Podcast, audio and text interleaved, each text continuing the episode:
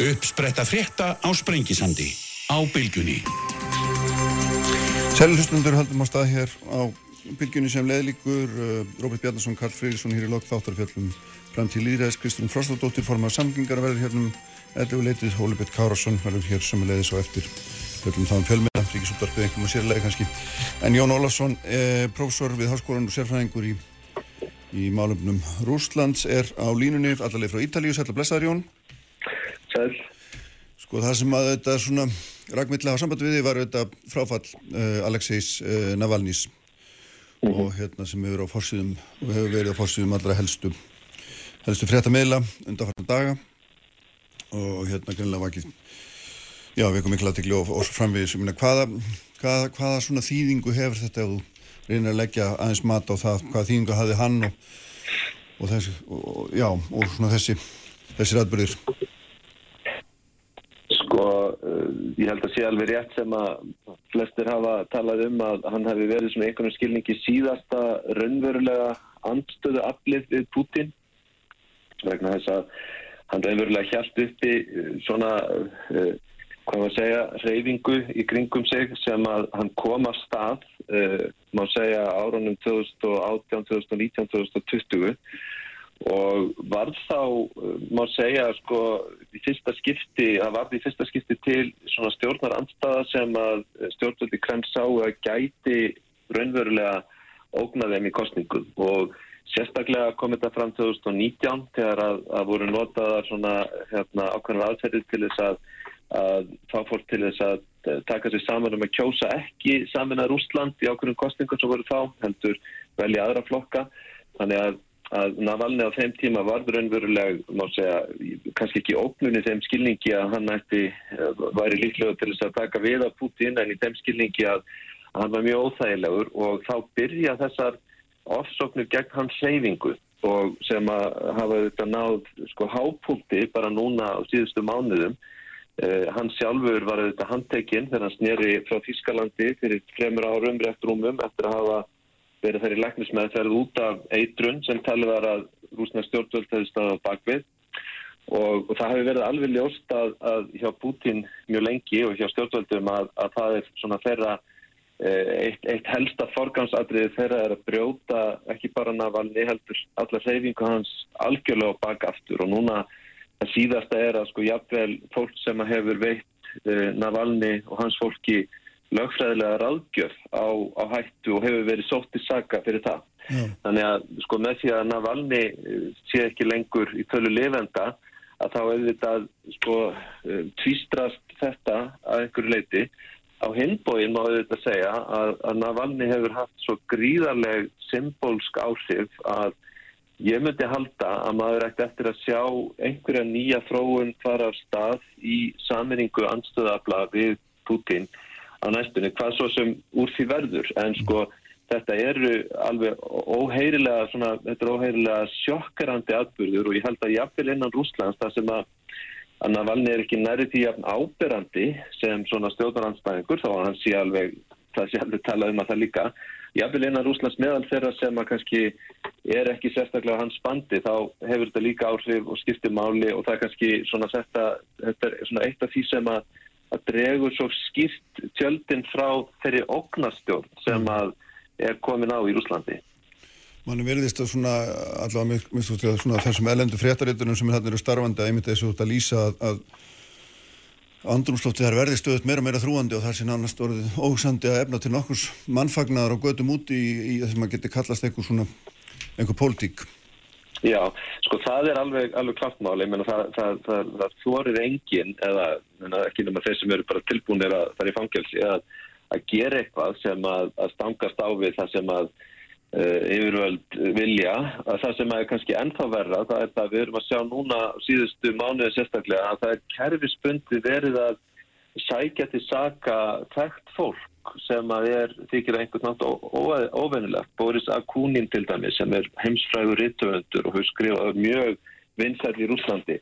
Hann hefur verið ákjærður, hann er farin úr landi þannig að hann fer ekki fangelsi, ákjærður fyrir, mann og ekki nákvæmlega hvað það er, eitthvað þessu þessum venjulegu glæpum sem að fólk helst vera sagt fyrir ekstremism eða eitthvað svo leiðis.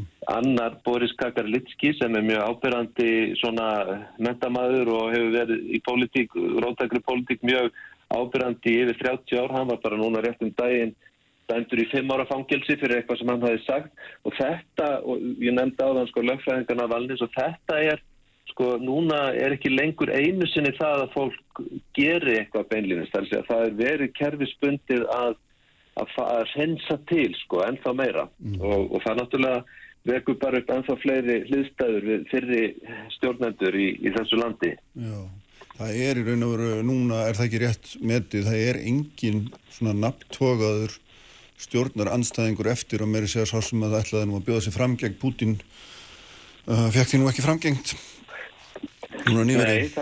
Já, það er alveg rétt. Það, hins vegar, sko, þetta, þessi tilraun hérna, Borisar Nadjestin til að bjóða þessi fram, hún var mjög merkileg. Hún vakti miklu meiri aðtykli og miklu meiri stuðning innan Rúsland sem okkur hefur búist við uh, og það er náttúrulega uh, frekar augljóst að, að, að það var, hans frambóð var stöðvað með, með svona smásmögulegum reglum sem eru þess aðlis að, að það er hægt að, útiloka fólk eins og var gert. Og núna er hann búin að fara með það fyrir hæstarétt sem við vísaði frá og og það máli er alveg sögunni. En maður ættir að sjá hins vegar hvort að að svo reyfing sem að var til í kringum hans frambóð eigi eftir að hafa einhver ásvip eh, Navalni og hans stuðnismenn eða stuðnisfólk hans var búið að, að lýsa stuðningjuna að djestin og, og þá voru margir sem bent á að þetta veri fyrsta skipti sem að öll rúsneska stjórnarandstaðan væri saminuð í stuðningi sínum við einhvern eitt framböðanda og það má kannski líka benda á það að auðvitað var Navalni sjálfur umdeltur. Það eru til dæmis ákveðinir eh, partar af svona frjálslindri sefingur Úslandi sem að enn eru til þó ekki berið mikið á þeim.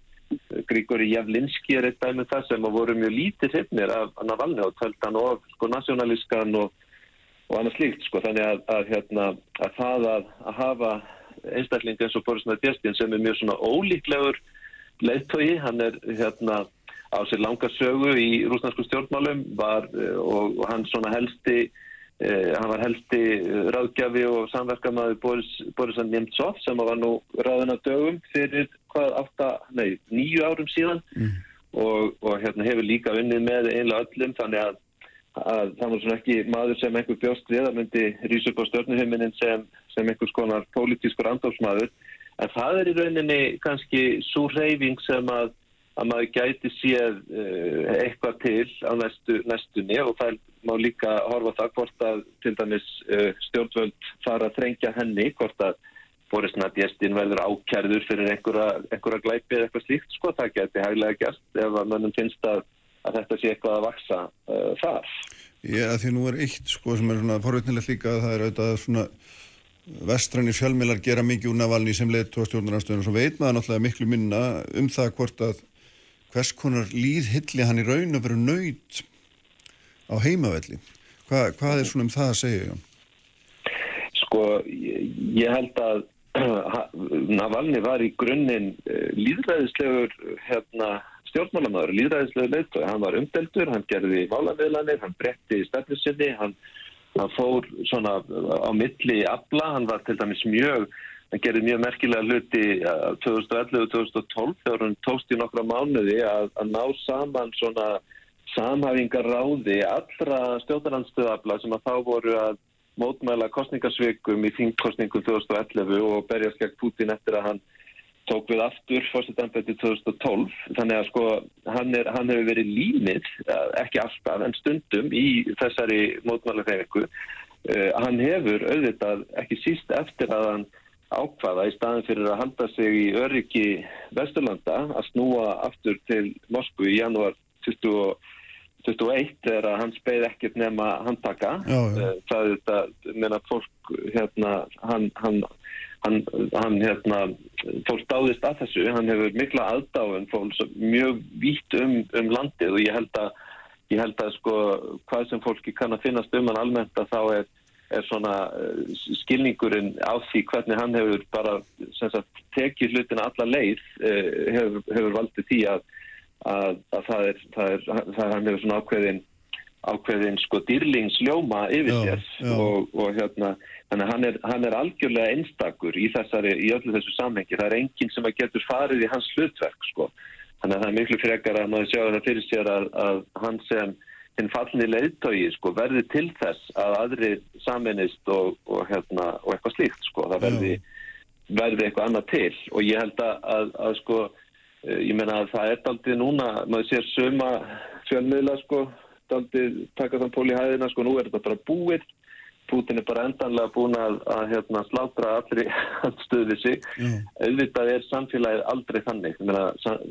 Samfélagið, hvort sem það er Úsland eða annar staðar, er, er hérna, dýnamíst og, og ég menna það er enda vantar enda mikið á það að, að Úsland sé orðið eins og Sovjetríkin voru og við þurfum líka að hafa í huga að eitt af því sem að skiptir Putin miklu máli og hefur verið svona einkenni þess stjórnarfass sem að hefur verið síðustu 10-12 árin í Rúslandi er að, að láta líta svo út sem allt sé gert eftir reglum. Það mm. sé réttaríki, það fari fram eðlilega líðræðislega kostningar, uh, það segir fólk hugsin og svo framvegs og svo framvegs. Og, og þess vegna þá getur, sko geta stjórnvöld aldrei farið alveg þá leið að, að, að beita, uh, hérna, sem láta sér það einu gilda. Og, og þessu leiti er, er auðvitað uh, stjórnarfærið öðru sér, það er alltaf, alltaf eitthvað pínulítið pláss fyrir andstöðu, fyrir þá sem að til dæmis uh, er á móti í Úkrænustriðinu, ég menna þú, þú, þó þú segir það opnumdarlega að þú tellir að Putin hafi gert vistök með því að, að hefja þetta stríð, þá er það ekki automatist, eftir ekki komin í fangilsi fyrir það, ég menna það eru, það eru til leiðir, þó að það er verið alltaf þrengri og þrengri og mm og þannig ég held að, að það bara verður eh, alveg ótrúlega áhugast að sjá á næstu kannski 2-3 mánuðum hvernig hlutinni þráast og, og auðvitað er líka ákveðin tilneying á Vesturlöndum eins og sést nú best í þessu eftir þetta viðtal Tökkurs Karlsson við, við Putin að, að trúa á einhvern nátt mannskulist hans eins og það hvernig hann ákveður að haga orðum sínum segja eitthvað um það hvernig hlutunum er stjórnað í Rúslandi það er ekki alveg, það er stundum aldrei saglesi sem byrstist í því að trúa því sem Putin segir. Já, sko nú er kostningar í, í mars þar sem hann getur fengið endur nýjað umboð til mm. næstu sex ára ef það miskjallast ekki og mm. það er nú ekki í, í spilunum annað en að hann verði sjálfkjörinn. Já, það eru þarna þrýr svona eh, hérna, eh, frambjöðendur sem að, að eru tilnendur af flokkum og, mm. og eru, hafið að til skrauts. Þannig að, að það verður að halda kostningar og þeir fá einhver, einhver fá einn prósent en, en þarna uh, fólk auðvitað á það hvort að, hvort að hérna, hver kjörsóknin verður og annars líkt en það er, það er auðvitað unnið að því að passa upp á að hún sé eins mikil og, og síðast eða meiri helst Hvað, hvað svona, ef, ef við aðeins horfum sko síðan á það sem kannski skiptir líka máli í þessu samingi er náttúrulega það að Pútin virðist, eða rússar virðast vera að ná sko fastari tökum á stríðinu við Úgrænu á einrásinni, þeir eru hérna lögðu undir sem miklu að borgi bara gæri að nótt og, og hérna og Pútin saði nú í þessu viðtali að, að, að það veri Evrópu og, og Bandaríkunum sæmast að við kenna orðin hlut og setjast að samlingaborði því að að rúsa myndu berjast þar til, þar til yfir líkur held ég að hann hafi norðað mm -hmm. Já um, ja, það, sko, það er alveg greinilegt að, að voni stjórnvalda um að þessi vestræna samstaða þinni eða það er svona mólast úr henni eru mjög vaksandi og, og, og, og það svona skýrir að einhverju leiti uh, stöðuna í dag. Um, sko það er hins vegar sko oft þá, þá hérna uh, kannski er hort uh, svo litið á einmitt hérna það sem að Putin segir þessum frá sem kemur eins og hann sé að tala við Vesturland með sínum ummælum og svo framvegs. Sko ég held að, að það, það sé alveg, alveg klátt mála þetta stríð í Úkrænu er orðið sko, tilvistar uh, nöðsinn fyrir Putin. Er að hann, hann getur aldrei hætti. Leiðin hlýtur alltaf að vera svo að að finna lendingu sem einhvern veginn réttlættir þessi gríðarlegu útgjöld, þetta síkalega mannfall og þessi að rústastjórnvöld eru að keppa við tíma líka og, og ég held að þurfum að sjá þetta í, í hérna, þessu samhengi. Það er vissulega búið að gýra allt rústast samfélag inn á það að það sé stríði en það þýðir, menna, hvað þýðir það? Það þýðir að það eru hérna, það er til dæmis vandræði með að, að, að fá nóg vinnuafl í dag. Það flæða inn, uh, hérna, flæðir inn erlend vinnuafl frá miðarsíu til dæmis. Það er hérna, eðsla ríkisins í stríðið er þess eðlis að, að allt annar er, er, er stopp á meðan. Það verður ekki launahækkanir, það verður ekki ekki hérna, ekki, byggð, ekki byggðar upp uh, byggður upp innviði sem að þó er sko gríðarlega þörf á og þannig er þetta lengi, halda lengi áfram. Þar að þetta stríð það mun ekki halda Úsland mun ekki halda það út nefn að taka náttúrulega tíma. Og þetta veit Putin mæta vel þó að, að í hans orðræðu byrstist alltaf svo hugmynd að, að hérna, samstafa rúsa í stríðinu og ferra aðferðir til þess að ná vesturlöndum hvað var það sko tekni og annað slíkt sé bara uh, það sem að muni bjarga þeim. En auðvitað er þetta kapplaup og, og, og, og þannig að því sko því fyrr sem að er hægt að, að breyta vesturlunum samstöðunni því betra, ég menna það er auðvitað það sem að, að, að Putin keppir að sem svona sínu auðvengiðspolítiska markmið. En ég menna það er ekki beinleginis að segja að viðtalið við Karlsson hafi verið vel hefnur aðgerð á því leiti því að að, að það að, sko leggjast niður í þessar, þessar förðilegu, sögulegu vangaveltur auðvitað setur flesta svona uh, daldið, eða það er erfitt að fá fólk til að skilja nákvæmlega uh, hvað þessar, þessir ræðuhöld um Rúsland á nýjöndu öld og, og, og, og það sem að gerðist á þrettándu öld og svo það sem ekki einu mikið tökur Karlsson gæt sko fyrst fræði þegar það var að hlusta á Það spurja sérstaklega um það, hvað eru við í, hvað eru við í sögunni? Já. Og þá lofaði nú Putin hann myndi hérna, fara betur ofan í, í ártölunum.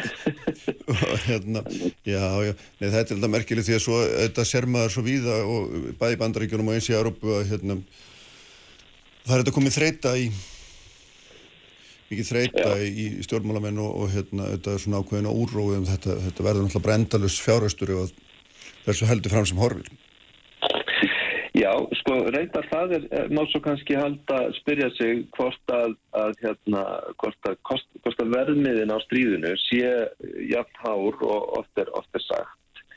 Eh, sko, eh, þetta er stríð sem að uh, sumir hernaðarsefræðingar telja ekki að ölluleiti óhakkvæmt fyrir Vesturlönd að halda úti vegna þess að það er takmarkað, uh, það hefur í för með sér aukna herrgagna framleiðslu á Vesturlöndum og, og svo framvegis og svo framvegis. Nú er ég ekki að mæla þessi bót sem slíku en, en það, er, það er vissulega sko það að sjá uh, stríðið í Úkrænu engöngu sem uh, hérna svona útgjálta hít fyrir Vesturlönd uh, er ekki alveg rétt viðmið þegar að hort er á það í helsinni og og það er til dæmis sko herrgagna framleiðendur í bandaríkjónum og raunverulega einhver leiti í Európu líka eru nú þegar byrjaðir að gera sína áallanir út frá því að það verði þörf fyrir slíka löti mm. um talsara framtíð. Og ég meina þeir sem eru að, að hérna, eigða peningum í stríðið og þeir sem eru að horfa á það sem hvað segir maður, ósjálfbært það eru rúsa sjálfur það er ekki svo með Vesturland Vesturland geta fullkomlega haldið þessu stríði gangandi en auðvitað er það pólitíst mjög flókimál og viðkvæmtmál í, í, í líðræðisríkjum sem að fyrir að vinna saman. Það er sömulegt auðveldra fyrir, eh, fyrir harstjórnaríki eins og Rúsland að, að halda þessu gangandi. En það mun bara halda því gangandi á hvern tíma. Það kemur að þeirri stöðu að Rúsland getur það ekki lengur. Mm. Þess vegna segir sko að þetta kapplaup er, er alltaf aðalabriði í þeirri þeirri mælskulist sem við sjáum frá Rúslandi og í öllu því hvernig Putin svarar spurningum hvort sem það er Tökkurs Karlssons eða, eða annar, hvernig hann reynir að að, að, að, maður, sko, að móta frásagnarlistina. Og, mm. og, og hann er auðvitað mjög snjall í því, hann er ekki eftir að segja annað svona í heldina þó að þetta viðtal hafi kannski ekki verið neitt sérstaklega gott dæmum það. Nei, ég myndi, og, og svona þessi þetta andláðna valli sé náttúrulega bara eins og ég veit ekki hvað, einn varðan á, á langri leið hjá honum um að, að svona að tryggja sér tökla haldir að öllu leiti. Já, og ég held líka að maður kannski bæta því við sko uh, auðvitað, svo koma menn og segja af hverju gerist þetta núna uh, ef, ef hann var ráðin af dögum benlinis sem að sem ég held, ég held nú personlega að sé kannski ekki það sem gerðist, heldur frekar að það er bara að hafa mörguð úr húnum líktóran með sko þeim viðbjóðslegustu aðstæðum í fangilsi sem hægtur að hugsa sér. Mm. En hvað er það? Ég menna fólk spyr sig eh, hvers vegna er Putin létt myrða Navalny, hver var þá tilgangur hans með því? Ég held að þessi spurning sko hún sé ekki alveg svo rétta vegna þess að það er ekki, Putin er ekkert alltaf að gera eitthvað til þess að uh, vekja aðtýrli Vesturlanda eða segja eitthvað við Vesturlandi. Í þessu tilfelli þá, þá er það hvernig hann hefur tekið á stjórnarandstöðun innanlands. Það hefur engöngu með innanlands uh, uh, hérna, valda bara að gera. Það, það er ekki að svo miklu leit ég vil þó að sé að valni einhvers konar uh, skilabóð til Vesturlanda sem það verður að gefa með handtökum eða, eða, eða morðum. Já, þetta séu frekar innanlands til, til heimabrúks eins og sættir Já, ég held að, ég held að það sé ákveðin, ákveðin miskilningur að, að Putin sé alltaf að hugsa um hvað Vesturlöndum finnist um þetta eða hitt og, og ég held að, að sko, ég menna, það er, það er eins með, með morðið á Príkosin sem er auðvitað búið að fjalla rækilega um í pressunni og það leikur enginn vagu á því að það var tölskipulagt uh, morð. Uh, við hefum kannski eftir að, að heyri og ég myndi held að sko vegna þess að við erum að sjá svona ákveðna bresti koma í upplýsingamúrin sko, það eru, það eru fleiri og fleiri eh, hérna, innan búðar fleiri og fleiri innan búðar fólk í stjórnkjörfur Úsland sem er að tala við uh, aðra uh, leinilega og upplýsingaflæðið hefur sko aukist og það hefur batnað. Þannig að, að, að það hefur verið orðið mögulegt að, að sko átta sig betur á ákveðinu hlutum bara síðustu mánuði vegna þess og og morðið á Príkosin er ágættist dæmið um það, hann er sem sagt drefin hérna í ágúst og, og það, er, uh, það eru sem sagt uh, bandaríkjaman og fleiri hafðu ágættar spurnir af því hvað hafði, hvernig svo atbröðar ás hafði farið fram. Mm. og, og það skrifa, hefur skrifað um það og ég myndi segja að það verið mjög trúverðu lýsing á því. Og, og ég sko kemur mér ekki óvart þó að við ættum eftir að, að fá uh, þó að það væri meira sem að kemi ljós um Navalni að það takist ekki að halda þessu algjörlega undir hérna lokinu eins og, eins og sömu áður. Neini, nákvæmlega. Herri Jón, við skulum hérna, svona segja þetta gott í bíli. Bestu þakki fyrir að vera með mér í dag og hérna fylgjumst áfram með hvernig, hvernig öllu þessu vindur fram. Já, takk, semlega. Takk, takk. Ólbjörn Kárasson er hérna á eftir, svo kemur Kristrún Frostdóttir og þeir verða hér í lokþáttar Bjarlaðum Lýðræðið, Róbert Bjarnason og Karl Fridriksson. Sprengisandur á bylgjunni. Í samstarfi við Hirsluna og Bæjar Líf. Í samkettni við engaðina vegna þess að flesta þessara fyrirtæki með einum öðrum hætti eru líka á samkettnismarkaði eins og ríkisútvarpi mm -hmm. í samkettni við sjálfstæðarfjölmila og þau hafa nýtt sér kosti þess að ofinbæra hlutafélagaforms í þeirri samkettni. Og það er auðvitað þannig að MN ætla að vera hér með ríkisrekstur á einhverju sviðum sem að er í samkjöndisrekstri þá eiga menn auðvitað að hafa hlutina með þeim hætti að sá ríkisrekstur, sá samkjöndisrekstur ríkisins skafi sjálfstað fyrirtæki, enga fyrirtæki sem minnst og hafi sem minnst áhrif á markaðið. Mm. Og það er alveg sama hvernig þú horfir á ríkisútvarpið, rekstur þess og stöðu þeirra og starfsemi á samkjæmtinsmarkaði þá getur engin annar eh, þá, þá er ekki hægt að halda öðru fram en að ríkis útvarpið valdi stórkostlegum skafa á íslensku fjölmjölamarkaði og særi og veiki starfsemi sjálfstæð, sjálfstæðra fjölmjöla Það vart að vísa náttúrulega til, eh, til hérna, auðvisingatekna á þess aftar. Ég er fyrst og síðast að tala um auðvisingatekjur en ja. það er auðvitað líka á öðrum vettvangi. Auðvitað er ríkisútvarti og verður kannski alltaf, ef það er á meðan að það er í rekstur, er auðvitað í samkjöfni líka á uh, markaði sko daskarár efni og svo framvegis og svo framvegis. Og það sem gerist líka þegar að menn eru í þessum samkynnsreksti er að dagskrágerðin og stefnan í dagskrágerðinni verður allt önnur heldur en lagt bara á stað með í upphafi þar að segja að uh, þetta sé fyrirtæki sem að er að uh, svona, eigum að segja varðveita íslenska menningu, styðja við listir uh, menningarstarfsemi og svo framvegi sögu þjóðar, veita áraðanlegar og traustar upplýsingar vegna þess að daskaragerðan miðast við það að hámarka áhor til að geta selt síðan auglýsingar. -hmm. Vegna þess að þeir eru á markaði. En það eru þetta það sem að fyrir eitthvað reynga reknir sjálfstæðir miðlar ætti að vera Þannig og að þessi- á að einbytta sér að því sem að átti og var alltaf hugsunin í upphafi sem Mhm. að hefur ekki gert. En þannig að þessi breyting, þessi kannski litla breyting OHF-ið aftan af, eins og ég orðaði upphafi, hún er þá miklu viða meiri og, og raun og veru uh, já, skilgreinir með einhverjum hætti, hlutverk og stöðu, um, hérna miklu svona meira afgerandi hætti heldur en, heldur en þetta felur í sér uppalega.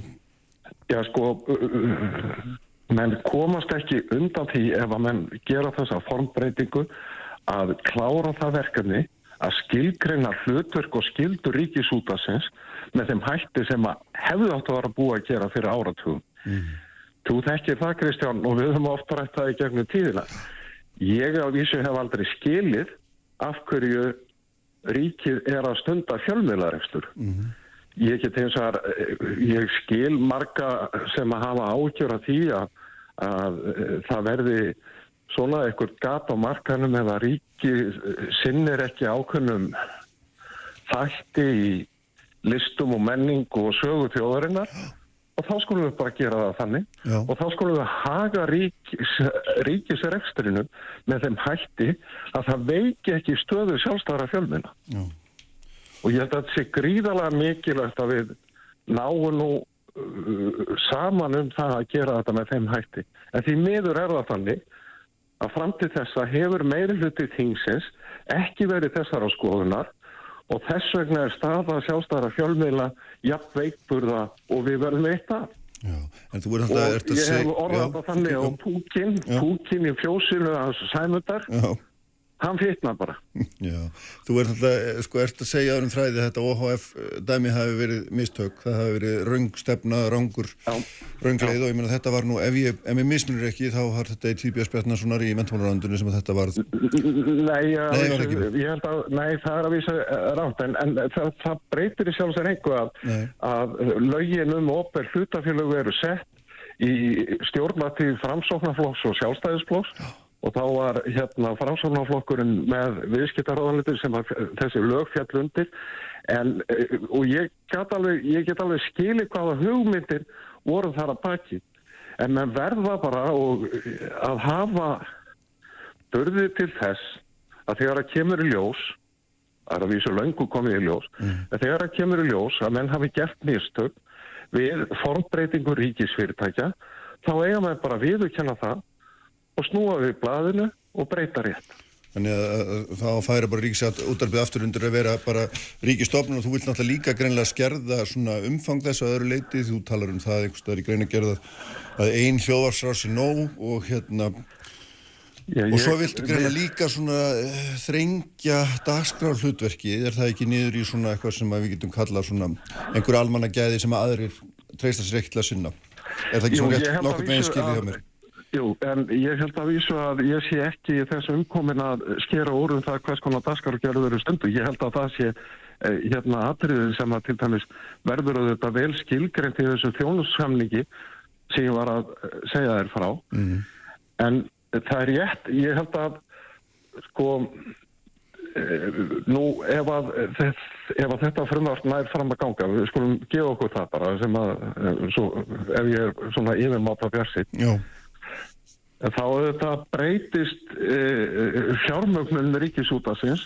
Ríkisútarpi verður þó á fjárlögum. Útvarskjaldi fellur niður. E, þar með er það þannig að, að sko í hvert eina skipti sem einhver Íslendingur fagnar 16 ára ammali eða einhver Íslendingur tekur sig til í, bjartsinu og stofnar fyrirtæki þá fjölgar inn að gæðsala áskurðandur ríkisútasins te, tekjur ríkisútasins aukast í hver skipti þó að ekkert hafi gest í rekstrinu og þetta er fullkomlega óæðilegt og þetta aftur eigur afl ríkissjómasinn í þessari hörðu samkjöfni sem þeir stunda kakvar sjálfstæðan viðlum sem aukveðs eru líka verjast strandtöki erlenda samfélagsmiðla. já, Það eru upp undir 50% eða ekki 45-6% auglýsingafjár á Íslandi fyrir landi. Já, einmitt. Og þetta er alvöru mál að menn hérna taki til hendinni og jafnið hennar leik. Það skiptir svo miklu máli. En er þetta ekki einmitt miklu alvarleira mál? Nákvæmlega það sem þú ert að nefna.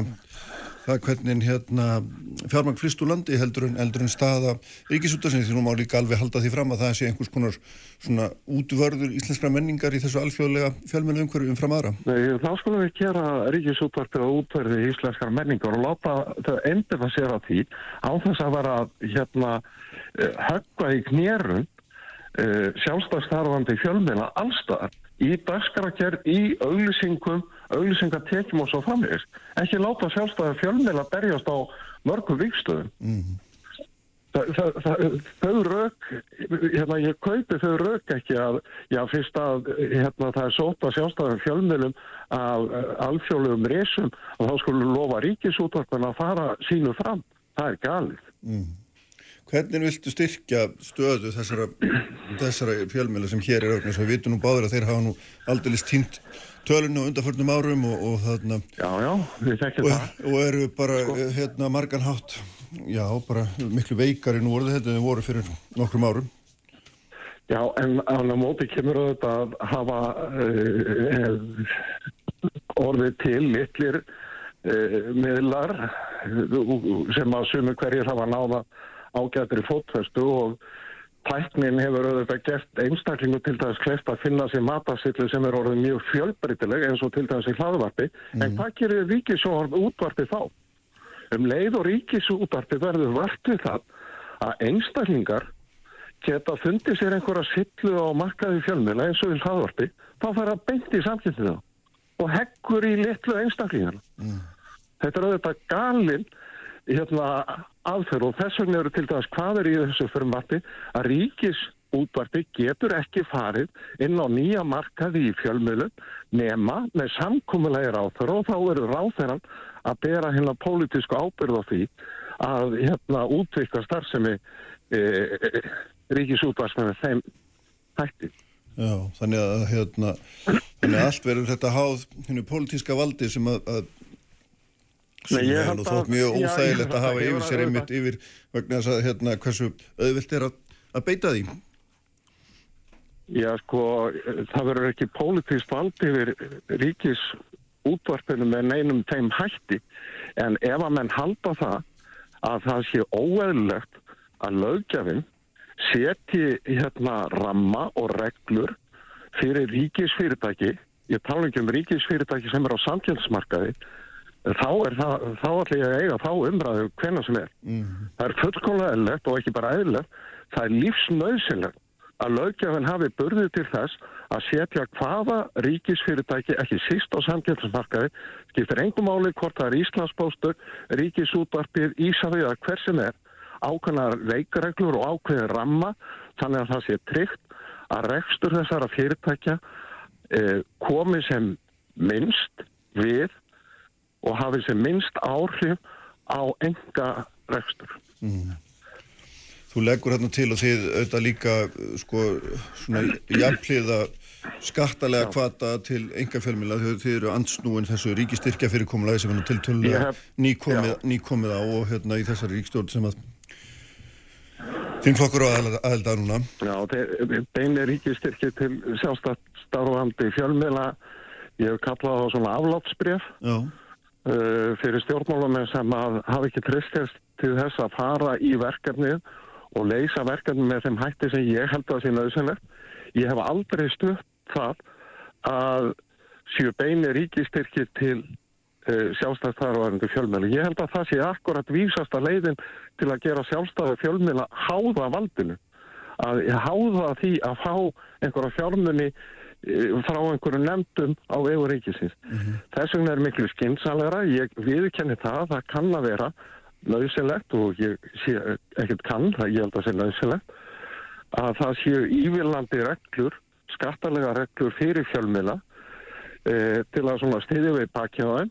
Þær eru þá gagsæðir, allir sitja við sama borð og það tengist annars eða tryggingagjaldinu þannig að það falli niður upp að efsta þrepi tekjuskatt og eftir það greiði fjölmiðlar uh, tryggingagjöld af launum uh, og síðan séu þarna ákvæmna ívillanir er við kemur virðisaukaskatti eða hann falli niður af áskriftatekjum Mm. fjölmiðla sem að getur skipt máli og það ætti líka að íta undir það að fjölmiðla sem að hafa tök á því minnst áfasti, ekki allir en margir hafa tök á því að afla sér áskriftatekna að þeir geri það vegna þess að það skiptir máli að það séu fjölbreyttari tekjustóður undir rekstur fjölmiðla heldur en til dæmis bara auglýsingar. Já, já, en sko nú, nú vitum við það auðvitað að, að, að fjölmiðlar eru í síöknum mæli allavega þeir sem eru stærstir fyrir utan þá ríkisútarfi sjálft eru hluti af einhverju stærri fyrirtækjakæðju eða eigu, eigu hérna já, í eignarhaldi fólk sem að á mjög mörganu fyrirtæki og er að reka markáttaða starfsemi og fjölmiðlar eru bara hluti af því. Og þannig að það hlýtur nú að breyta, breyta þessari mynd sem þú ert að nefna, hvernig ætlar eiginlega að skilgreina þetta? Því að þetta er bara Skilgreina- hluti af rekstri samstæðu. Þegar Nei, það er tilvíkjum. það, er, er, er algjörlega skilgrind, það er bara það sem að, það er bara þeir starfsmenn sem koma að því og nöðsynleiri eru til þess að koma út dagblæði, uh, reka sjómanstöð, reka útastöð og svo framhegis.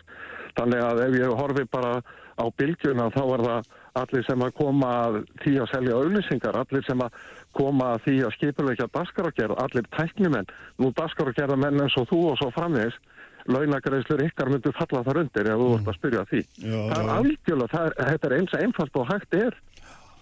En, en það sem ég var meira að vísa til var það að fjölmiðlin er ekki lengur einn og sér stakur heldur en hann hluti af einhverju fyrirtækja samsteipu og þess vegna það ætti velta fyrir sig hvort það sé ekki óeðlegt að gefa þeirri samsteipu einhvern sérstakann afslátt af skatti til þess að Nei, ég að sitt ég að fyrirtæki. segja, það er algjörlega skilgreint með hva, hverjir það eru sem falla undir. Mm. Ég er ekki alveg viss en ég fylgir hvað þú átt við með ok. hérna, fyrirtækja sástæðu en, Nei, en allt í allt í lagi, lagi. ég meina ef við horfum til dæmis á það fyrirtæki sem þú ert hérna vinnur hjá núna Mhm. ég meina það, það er algjörlega skýrt það er ekki til dæmis á það, það getur engin starfsmæður sem að er á sviði fjarskipta uh, hjá Vodafone fellur ekki undir þetta ef, ef það sem að ég ef ég er að skilja það rétt Já, nei, ég heldur sem ekki alveg að ná saman að punktin ok, okay, það skiptir ok, ekki máli. ok. Látum gott Við náum líka. saman síðar. Já, látum kjört líka um það.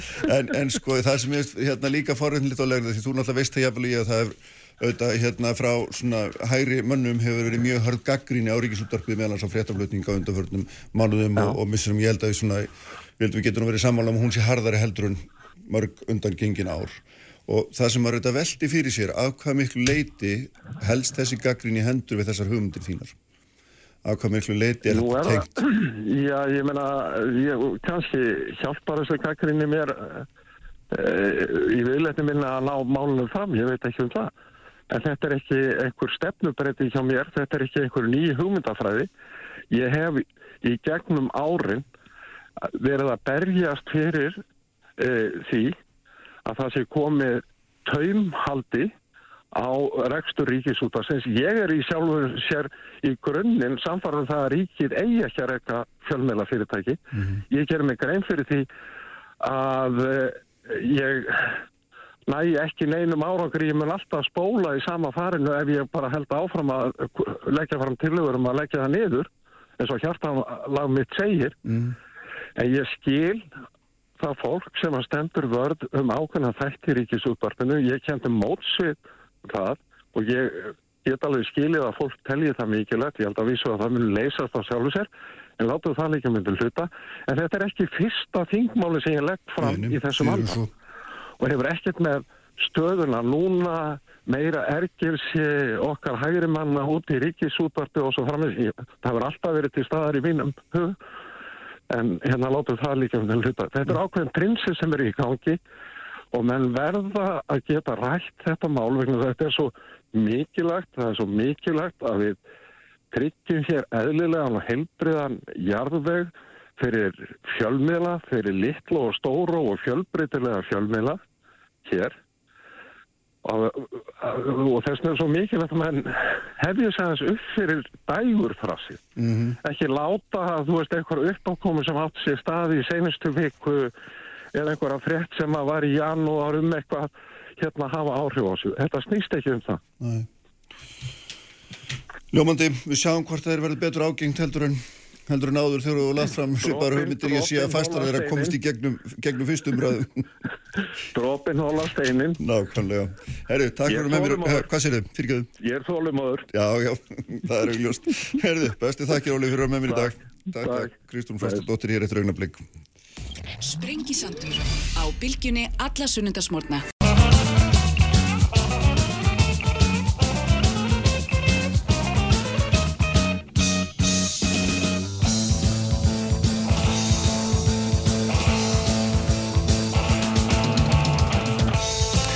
Sælir aftur hlustundur, Óli Bitt Kárasson farið frá mér, þeir verða síðan hér í lokþáttar, þeir Róbert Bjarnason og Karl Fridriksson, þá ætlum við að ræðum framtíð líðræðisins, það fyrir verður hér haldinn ráðstefna með erlendur fræðmunum þar sem að, að þetta málefni er í deglunni og hérna frólitt að svona heyra eins í þeim. En sestir hjá mér Kristrún Frostadóttir sem er þetta formað samfélkingarna, sæla blessu og velkomin. Góðan daginn, takk. Oftast þegar þú kemur hingað, oftast hefur verið reyndið þá hefur verið að tala um ernarsmál fyrst og fremst en nú ertu hún að gera allt vitlaust með því að tala um innflytendamál og hérna fara dífa það inn í mjög viðkvæman viðkvæman málaflokk held ég að mér sem nú óvitað óvitað fyllir það á viðbröðin hafa nú verið margskunar mm -hmm. Fyrsta lagi, kannski bara fyrsta spurning er Er þetta einhvers konar það sem þú ert að segja? Ertu að reyna að færa flokkin til? Er þetta einhvers konar stefnubreiting? Mm. Hvað ekki fyrir þér? Sko ég hugsa þetta nú ekkert sérstaklega þannig Nei. en það eru við ekkert að byrstast með eitthvað útspil eða eitthvað útgáfi eða langt stefnuplagg þar sem við erum annarkort að endurskrifa stefnun eða bóða eitthvað ákveðnar aðgerðis. Mm. Um, ég er bara með ofinu augu hvort því sem er að gerast í samfélaginu og málaflokkur innflytjanda sem er málflokkur innflýtenda, ekki bara fólk sem sækir um alþjóðlega venn, hefur náttúrulega tekið miklum breytingum sko bara á kjörtífambili þessara ríkistjórnar og þegar maður er í pólitík þá þarf maður auðvitað að taka mið bara af breytum aðstæðum og fara í ákveðin stefnumótum því tengda. En það er ekki þar með sagt að þú ert að taka ykkur að uppegi, þú ert bara að hlusta á hvað fólk er að segja hérna úti og, og reyna að opna umræðina og eins og þú segir hér í uppafi sko, ég kem oft hérna og ræða um innflytjandamál eru hagstjórnarmál líka. Mm -hmm. Við tölum mikið um öldrun þjóðar og áskorunni sem fylgja því og innflytjandamál eru líka hagstjórnarmál og umræða um innflytjandur á ekki bara snúast um hvort að uh, fólk sé með eða móti útlendingum. Þetta eru þetta bara reysastórt mál og ef við horfum á sko, bara þróunna undanförnum árum að sjá við það að það voru um 35.000 innflytjendur hérna árið 2017 þegar að þessi ríkistjórn í raunni tók til starfa. Mm. Í dag er þetta 70.000. Mm. Við hefum farið úr hlutvallinu 10% í 20% á 6 árum. Í ofanalag þýðir þetta að við erum komin á þann stað meðal OCD landa að við setjum í rauninni á toppinum eh, með svíþjóð hvað þetta hlutvall varða. Það eru löndarna undan eins og Sviss og Luxemburg sem eru þetta svolítið öðruvísi, hafgerfið svo maður segja og þessar breytingar auðvitað bara hafa áhrif og fólk finnir fyrir þessu og við verðum að ræða um þetta því samengi en þetta er auðvitað viðkvæmt. En sko mikið af því sem að ég vilja koma til skil og ég held að það sé mikilvægt fyrir okkur að ræða hérna er ymmit þessi stóra mynd. Að því að meirilutin af þessum 70.000 sem hér búa koma hérna gegnum ES Já, aldeilis. og þetta er svona alltaf þessi endalisa umræða um landamæri opin og lokuð sko og, og þegar að jafnaðamenn eða, eða ég tala um landamæri og velferðarkerfi þá er engin endilega að tala um hvort það er að vera opin eða loku, ég meina við erum bara með landamæri við þurfum mm. að hafa stjórn á þeim við erum samt með alls konar samninga bæði EES og samninga hvort mm. einstaklingar sem sækjum alþjóðlega vend en við getum auðvitað haft stjórn á því mm. hversu margir komið gegnum EES varandi hvers konar hvað ég segja, aðunstefnu við sköpum hér, að við sköpum eftirspurn eftir, eftir þessum störfum, þannig að það er ekkit stjórnleysi ef svo má segja, við höfum, þetta er í okkar höndum. Það er óbeint stjórntæki. myndum það eru, ef við færum þetta yfir á hagstjórnulegt svið, sem ég veit að er viðkvæmt skilja, en þetta er samt þá eru alls konar tæki og tól til þess að stýra hraða og fjölgun. Og það sjá það allir sem að horfa upp á þessar miklu breytingar á þessum skamma tíma að bara síðast þegar samfélkingin var í ríkistjórn var þessar málflokkur með allt örum hætti. Ekki bara sem snýra fólki sem sækir um alþjóðlega vend, þetta er líka fólki sem kemur innan ES og líka tímabili þessara ríkistjórnar Já, já, sko bara svo rétt því því til að haldið til haga og gleymi því ekki að þú varst í viðtali á Þórarni í hjartasinni í hérna sjónvarsvitarendar sem að hann sendur út undir heitinu einn pæling og þar, þar voru það fjallum þetta svona gleymi nú ekki að, hérna, að geta þess.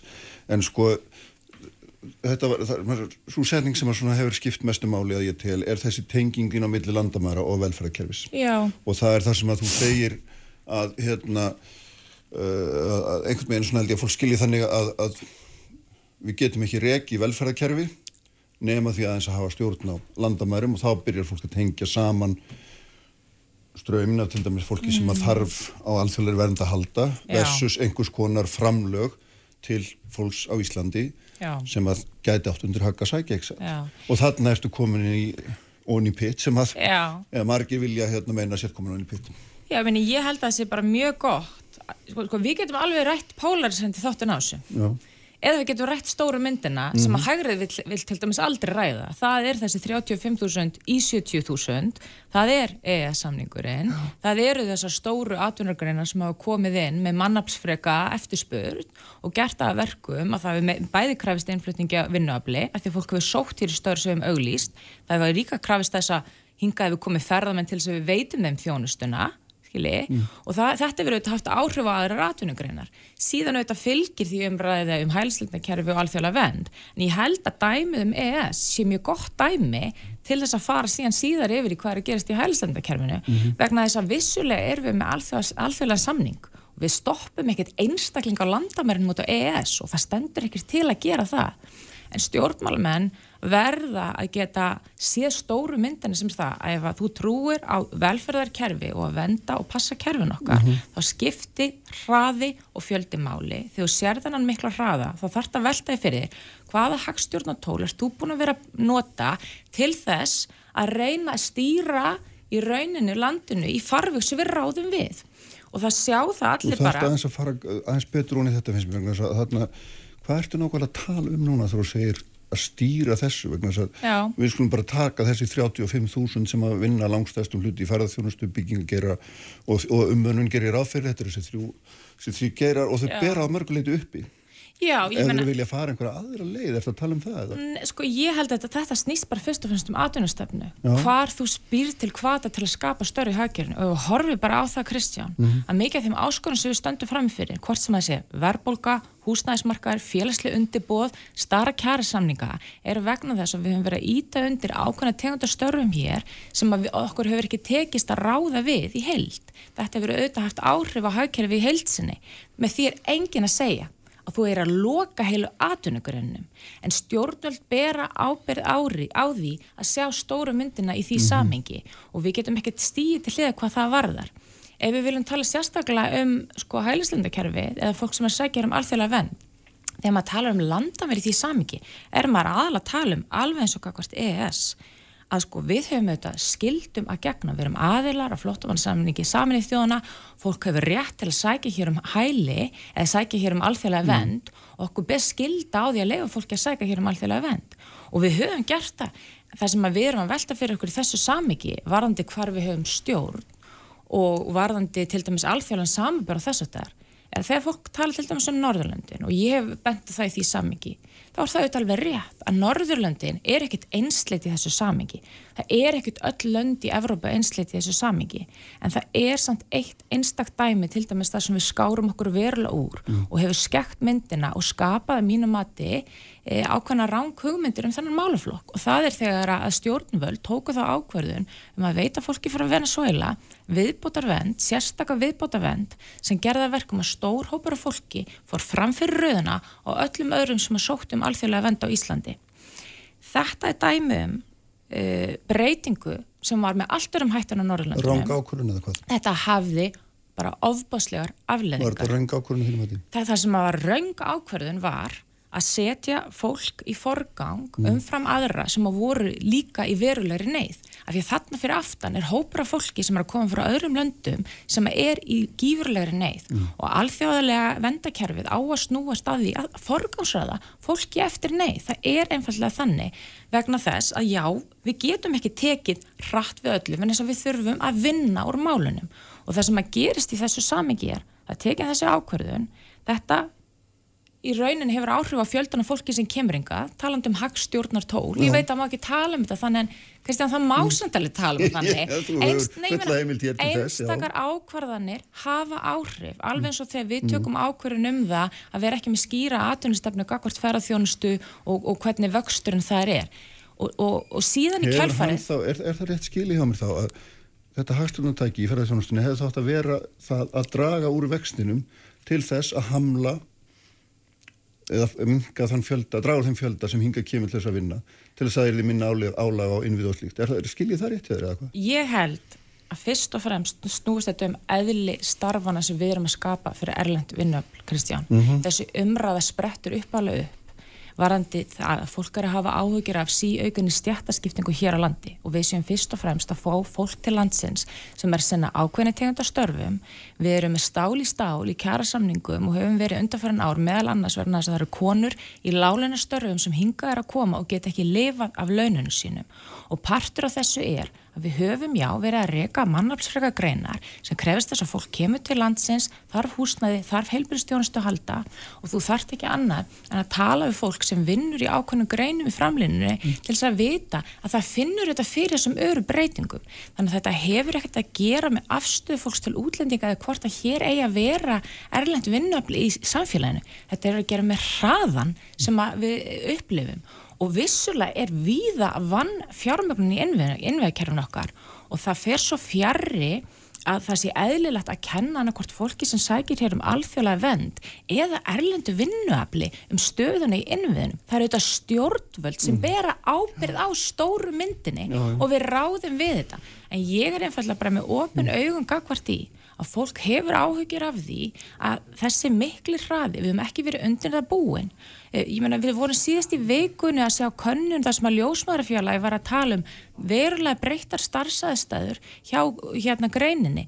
Meðal hans út af menningamöðun, meðal hans út af tungumála erfi örðuleikum, fólk er ekki þjálfaði að vera að sinna starfinu sínu öðru tungumála en íslensku, við erum að sjá kannanir sem benda til þess að önnur kynnslóð innflytjanda er ekki að fóta sér jafn vel í samfélaginu og Íslandingar að fimm ára börn er ekki með sama leskilning á leikskóla ef þau koma á erlendu uppruna og þetta hefur auðvitað að gera með hraða og aðlugun og jafnamannaflokkur hlýtur að vilja horfa þetta heildstætt og skilja samingi hlutana ekki bara loka augunum fyrir því en ef við Ekki förum að loka augunum fyrir því að hraðin hefur verið ómikill og fjöldin hefur verið ómikill. að Er, er það hraðin, rétt? að hraðin skiptir máli innviðir eru segfljótandi og meiri að þó ég vildi og ég vil gerðan setja meiri peninga í þetta þá tekur tíma að þjálfa fólk upp líka Kristján til að sinna þessum störfum þannig ef við viljum gera þetta sómasamlega ef við viljum gera þetta mannúlega Það og við viljum ellendum samfélagslega sátt já. þá þurfum við að huga að samsetningu hlutana En eins og ég segi, þessi afleðing varandi Venezuela, hún hafði gífulegar á, hérna, afleðingar í þessi ákvörðun í kerfinu. Hún gerði það meðlansaverkum, já, það kom mikill fjöldi frá Venezuela hérna inn. Þau kom, komist fremst í rauðina, síðan var tekinn skörp uppeyja og það var ákveðið að býða með þennan hóp. Dómsmálaráðanindið bara beigð með þennan hóp. Í millitíðinni er fólk í rauninni vistaði úrræðum viða hér á landi, það þarf að borga undir það ákveðin húsnæðiskostna og menn það er að býða eftir því að dómsvarraðandi ákveði hvort það vilja veita þeim alþjóðlega vendið ekki.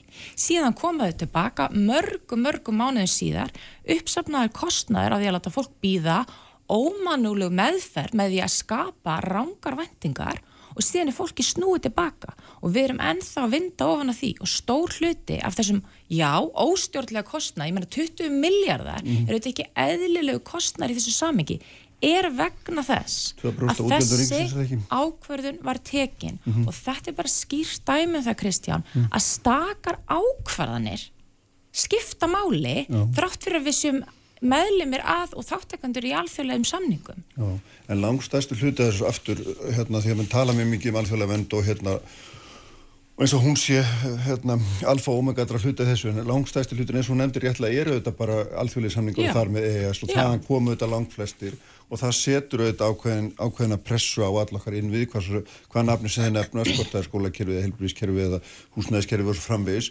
En þú ert ekkert meina að segja mér það ekki að, að við höfum ekki rángar ákvarðanir í atvinnumálum, við höfum hérna farið á geist í uppbyggingu í ferðarþjónustu sem hafi leitt af sér hérna ymsa svona fylgikvilla sem gerir það verkum að við þurfum að flytja minnu upp sem við höfum ekki, ekki hérna, tæki til þess að taka sómasamlega á móti. Er þetta ekki svona nokkur meginn? Ég meina það er ástæðin fyrir því ákveðni flokkar sem að fari mikil í umræði um, um fólk á verðlundum upprunni hérna, tala ekki um þennan hlut af þessu vegna þess að þarna er, er sko, það er svona tendens til að tala um fólk sem hinga kemur til að vinna í ákveðnum atvinnugrunum sem bara vinnuafl.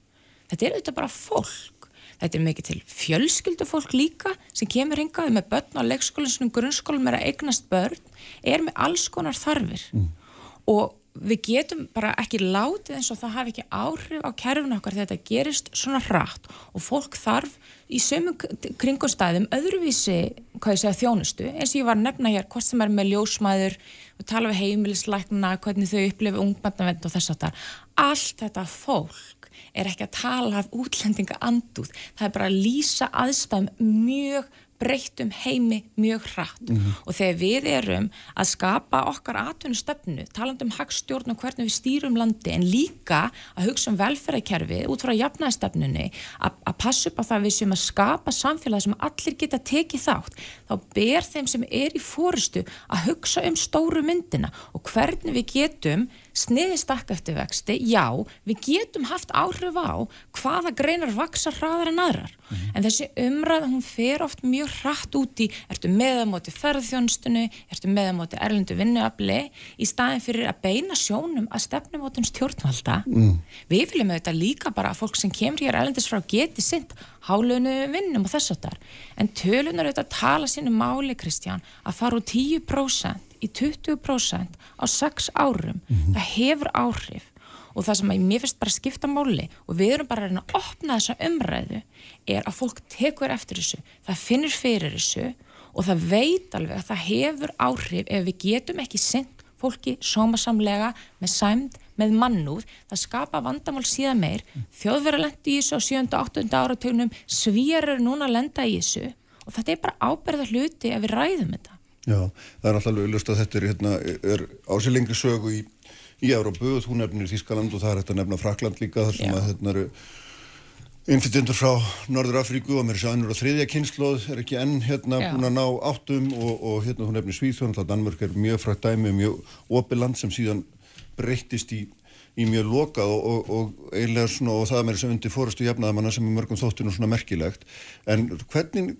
hvað þið þá fyrir það því að ef maður horfir á heiminni heilsinni reynir það mm. að þá sjáum við að það eru kannski 70 miljónir manna á flótta í heiminum, það er eitthvað svona þau tala flokkan og, nei rakkan flokkan og hérna flakkan upp og niður, já. en svo er allir aðrir auðvitað sem að vilja bara betra líf og er ekkit á flótta en einu skilningi, nei, nei. þannig að þetta eru kannski ekki 100 miljónir eitthvað slíkt sem eru já. að flytja á hverjum tíma og hérna og allir eru að flytja að sunnan og norður og austan og vestur.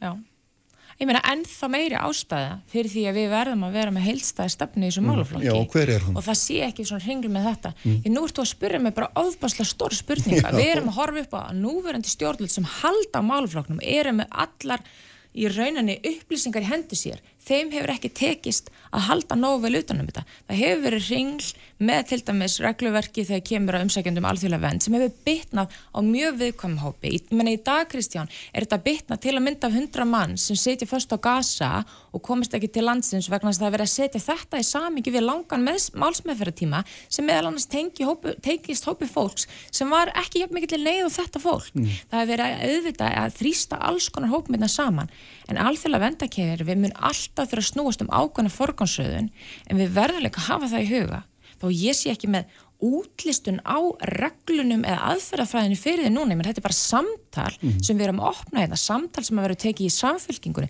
samtal sem við þurfum bara að fá konsensus um í íslensku samfélagi og þess að skipta svo miklu máli að við færum þetta það steg að við getum talað um þetta já, sem velferðarmál hagstjórnarmál, þetta snúist ekki um útlendingaanduð, mm -hmm. vegna þess að það snýst ekki bara um mannúð og mannréttindi að taka við fólki og hleypa því inn heldur hvernig við tökum á mótið því og förum með það mm. og þegar við finnum það að þetta er að gerast svona hratt og mögulega upplifum að það sé aðeins að trostna samfélagslegur villi skilur, til þess að horfast á við þetta Já.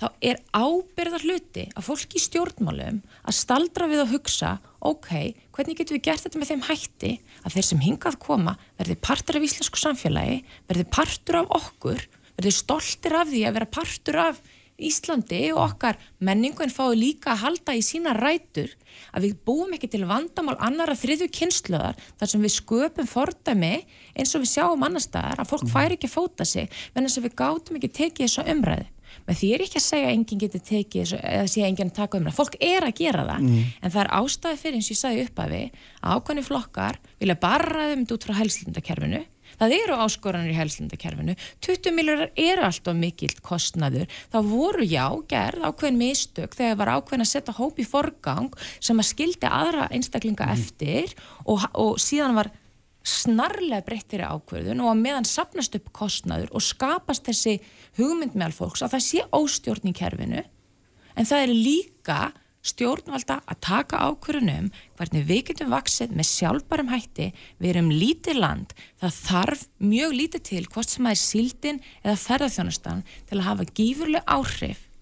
Og þetta þýðir ekki að við séum að fara að loka okkur um atvinnugrunum eða handstýra þeim en verðmæta mann skipta máli En einhvers konar stjórnur ertu nú samt að tala um. Þú ert að búin að gera það Ég er að tala fyrir atvinnustefnu Ég er að tala fyrir stefnumótun hjá stjórnmálaflokkum mm -hmm. sem snýstum að hafa skoðun á því undir hvaða atvinnugreinar sko, ekki þú beint ítir en að mista kosti hvers konar hvaðar eru í kerfinu til að skapa ákveðna tegund starfa það skiptir bara ofbáslega miklu máli sama hvaðan fólk er að koma þetta er eins og ég segi, þetta er að skapa efnaðslegan þrýsting núna þessi mm. tegund starfa þar sem við erum að fá einn lálunastörf, mm. ég tala stundu við fólki í ferðarþjónustinu og það er mjög misjant hvernig ferðarþjónustun uppbyggð. Hún andmælir þessu alltaf þegar þetta nefnt, þetta er ekki lálunastörf. Með erlend vinnuöpp sem er ekki lálunastörfum, en við vitum alveg að það fjölda störfum sem er á þeim stað, það fer mjög mikið eftir fyrirtækjum, en ég veit líka að það er fullt af fyrirtækjum ferðarþjónustu mm. sem finnst vöxturinn hafi verið of hraður, mm. skilju,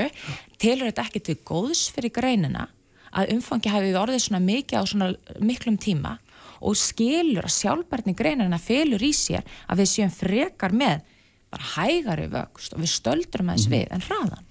En þannig að það sem að gerist á næstu árum óháð því hvað svona hvert heimurinn er að flikjast og flakka mm. að þú myndir vilja stýra betur uh, stýra betur þeim fjöldar sem hinga kemur á grundvelli atvinnustefnu þar að leðandi til dæmis uh, leggja meiri áslá á tæknistörf eða ég veit ekki hvað sem að hérna, eitthvað þess áttar það er einhver, einhver slík hugmynd sem býra baki það ekki? Men Það er tvent á baku þetta. Já. það er annars vegar, já, hraði fólk sem kemst, kemur til landsins vegna þess að ég veit að til að koma í vekk fyrir þessi fjölsli vandamál sem ég var vittni í, þá þarf ég tíma til að bæta innviðina. Innviðir eru seg fljótandi. Menna, við vorum að kynna útspil í heilbreyðsmálum enn hérna fyrir jól, mm. þess að við vorum að tala með um fjölga heimlislegnum. Ég menn ekki gera það á einu ári, Kristján, það mun taka tíu ár. Allt sem við þurfum að gera til að styrkja okkur af því að við fórum svo hratt af stað á mörgum stöðun, það mun taka tíma og í millitíðinni já, þurfum við aðeins að staldra við.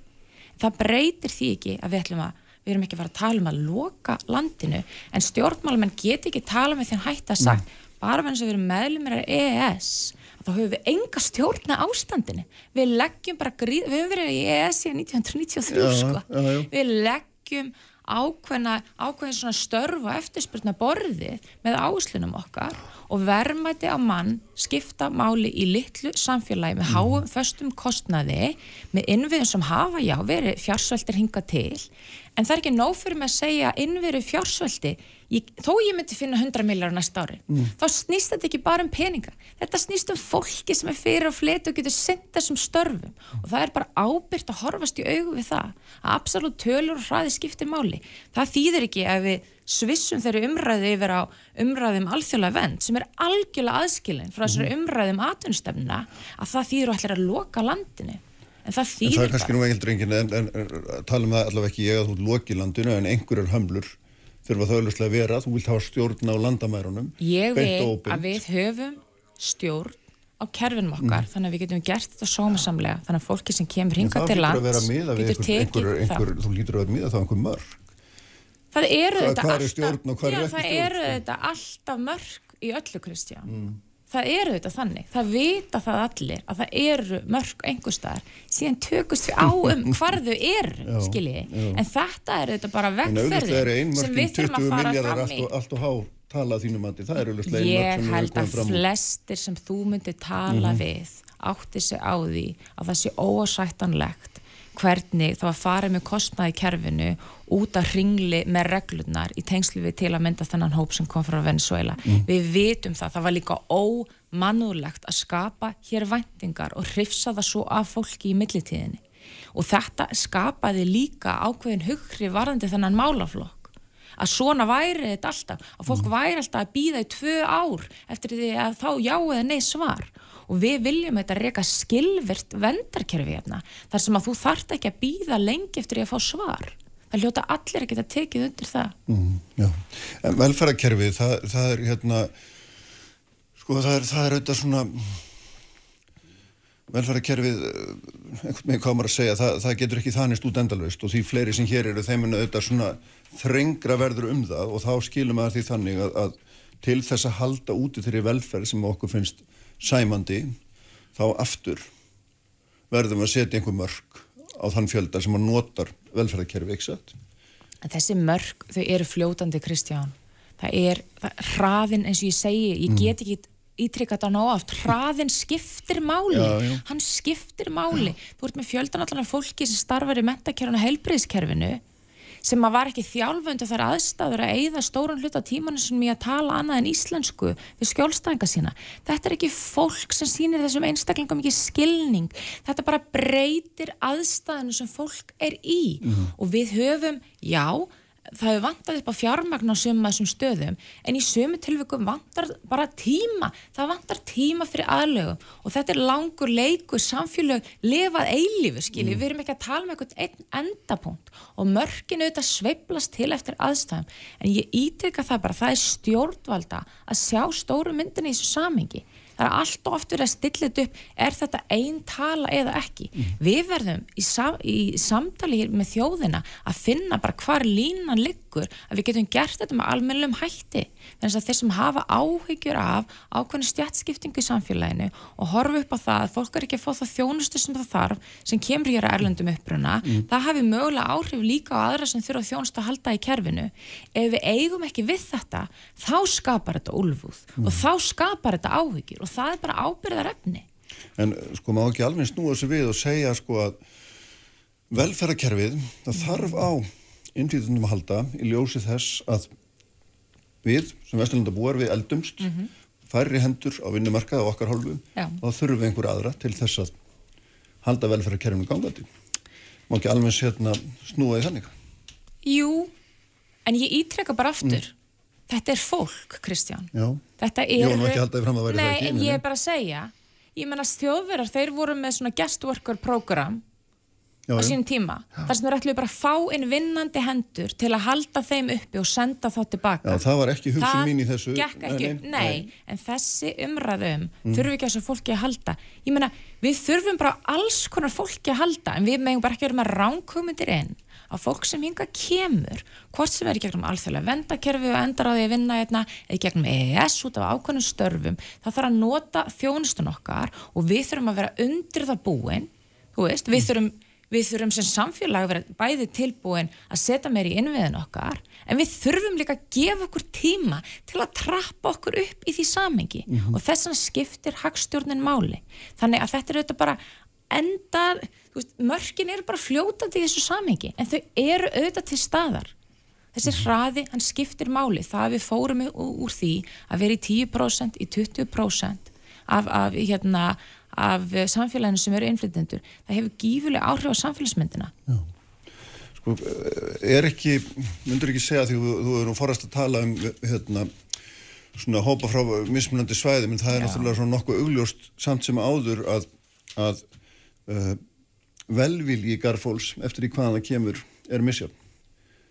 Það vilist mann að misfórsti vera í hérna til dæmis ef við tökum gasasvæði núna versus til dæmis úgrænustriði þar sem allar dýr stóðu opnar núna er, hérna, er stendur meiri miklu meiri styrri um þetta og kannski er það einhver hluti af því að þetta mál, þessi málaflokkur er að verða uh, miklu meira ábyrjandi umræði eins og hann hefur reyndar verið og, og skipt heilu Mhm. þjóðfélagunum í fylkingar í síðustu áratvíi bara í nákvæmlandum. Já. Já, ég menna, ég held að það viti það allir að það hefur áhrif á viðmót fólks ef fólk er að koma fara mismunandi menningu. Það er bara áskorun. Við þurfum líka bara að horfast í augu við það. Það er bara áskorun. Og því mun meira og mikilvægra að við gerum þetta með þeim hætti að við náum að skapa aðstæða fyrir fólk að fóta sig hérna á aðlaga. Þannig að verði ekki fyrir barðina á fordómi. Það skiptir bara grundvallar atrið. Þannig að ég heyri alveg hvað þú segir, ég held að það sé margt til í þessu, en ég ætla heldur ekki að loka augunum fyrir því að menning skiptir líka máli. Hún skiptir máli í 400 mánuðar samfélagi, skiljiði, og, og þó að maður síni því skilning að við séum í breyttum heimi, fjölmenningin er komin og allt það, og við getum ekki stresta móti því, þá eru ákveðni hluti sem við getum gert til þess að gera aðlögunan að því ferli auðveldari. Og það er ekki sjálfsagt að fólk sem að hefur búið hér allt sitt líf og sér svona miklar breytingar á sex árum, Kristján, þurfum ekki tíma til að aðlagast aðstæðum og hafa ekki áhugjur þegar það horfi upp að því hvort sem að sé í sinni eigin vinnu af því að það á börn í skóla sem að mögulega á vin eða vinkun af erlendum uppruna og það sér að það er ekki að fá aðstofn sem að þar, að það hafi ekki áhugjur af aðstæðum. Þannig þetta er bara eiliða verkefni. Er, finnst þér þú verið að tala í þínu málflutningi vel inn í jafnaðastefnuna vegna þess að það er, sér marga, ég veit ekki hvort það er hægt að tala um það þannig allavega þó nokkra sem að úr þínum eiginflokki sem að hérna, telja svo sé ekki. Ég er 100% að nálgast þetta út frá gildum jafnaðamennsku. Það er þyrnir í augum jafnaðarmanna að ala á stjættaskiptingu, að ala á tvöföldu samfélagi, að ala á úlfuð og fordómum. Þessi umræður auðvitað mjög viðkvæm en við verðum að átta okkur á því að eins og þróunin hefur verið undanfærin 10 ár, 5-6 ár, þá höfum við byrjað að skapa tvöföld samfélag á Íslandi. Verðan þess að það eru ákveðnir aðlar sem geta tekið þátt og aðrir sem hefum ekki haft tök á því aðla. Og það er grundvallar atrið jafnaðamennsku að tala ekki bara um að hleypa fólki inn út á mannúð heldur hvernig þú kemur fram við fólk. Og eins og ég segi tölunar tala sínu máli ekki bara varðandi fjöldan og vöxtin heldur líka varðandi fólk sem er á nú þegar af annari kynslu erfitt að fóta sig fólk sem á erfitt með að finna sig í kerfinu og þar verðum við að staldra við og hugsa hvernig við getum betur haldið inn utan um fólk. Já, peningaskipta málin eins og ég sagði að hann tók dæmi með heilbriðskerfið þetta tekur tíma. Og stjórnmálamenn sem segja Kristján, ég þarf bara peninga í þetta ég hækka bara skatta á þig Kristján og þú ert tilbúin að borga mér skatta fyrir þetta og ég get gert þetta á næsta ári. Þeir eru ekki að segja rétt frá. Þeir eru ekki að segja rétt frá. Við verðum að gera þetta með raunsæjum skrefum svo við getum aðlagast að breyttum heimi. Og svo við fáum tíma til að anda förum ekki lengri bíli, sjáum hvernig gengur. Bestu þakki fyrir að koma. Takk sömuleiðis. Hreinskipti samtal. Þeir verða hérna á eftir uh, Róbert Bjarnarsson og Karl Frýrisson, þá ætlum við að horfa inn í framtíðina, velta fyrir okkur líðræðinu. Sprengisandur á bylgjunni Í samstarfi við Hirsluna og Bæjar Líf. Sprengisandur á bylgjunni alla sunnundasmórna. Sælir afturlustundur, uh, Kristrún Frostadóttir farin hér frá mér um, eftir fróðlega yfirferðum um svona hennar sín á þessa á innflytandamál sem að óruhættir nú að fullir það síðan með allra allra stærstu máluflokkum samtímas nú hérna, nú ætlum við að ætla ég búin að bjóða hérna velkomna Róbert Bjarnason og Karl Frýriksson Sælir bæðir, velkomnir. Já, kjæra þakkir. uh, Karl, þú ert frangvæðastur framtíðasettus Róbert, þú ert uh, uh, ferð fyrir já, einhverju sem sagði mér aðan og ég gæti ekki munna íbúa líðræði Já, íbúar, s- s- hérna, íbúar samráðslýðræði, já, samfélslistofnun. já, akkurat, nákvæmlega.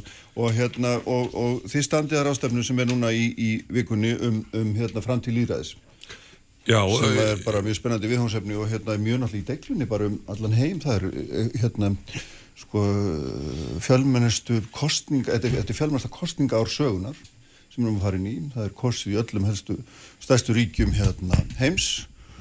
Og, og þarna svona eftir því sem hann hefur sínst á svona aðtugunum að, að þá er nú margir sem telja líða þetta bara hreinlega sko standi miklu hallari fæti heldur en að Já, ég, ég sko, ég vissum ekki að þetta væri svona stærsta ári í, í, Nei, í var að liðra er það. Já. kostningum en, en, en gaman að er vita það. En uh, sko á vettvangi framtíðafræðinga Mm. þá hefur liðraði verið í mik mikill umræðu en þess að við höfum miklar áhugir á framþróun liðraðis almennt og það sýnir það eh, í bara alþjóðlegum skoðanakönnum, það eru gerðar ímsar kannanir varðandi þróun líðræðis í þessum þjóðríkjum og uh, það á í stökustu vandræðum uh, og þetta er helmingi þjóðríkja sem taka þátt í þessum svona könnunum eða mm. þessar kannanir eru gerðar þá er líðræði að undanhaldi Já. og uh, þetta er auðvitað stór sko, stór breyting Eh, framtíðafræðingar eru þess eðlis að við viljum sko, bæta samfélagið við viljum hafa einhver svona útotópíu fyrir samfélag sem, við, sem er æskilegasta samfélagið og erum alltaf að vinna að því.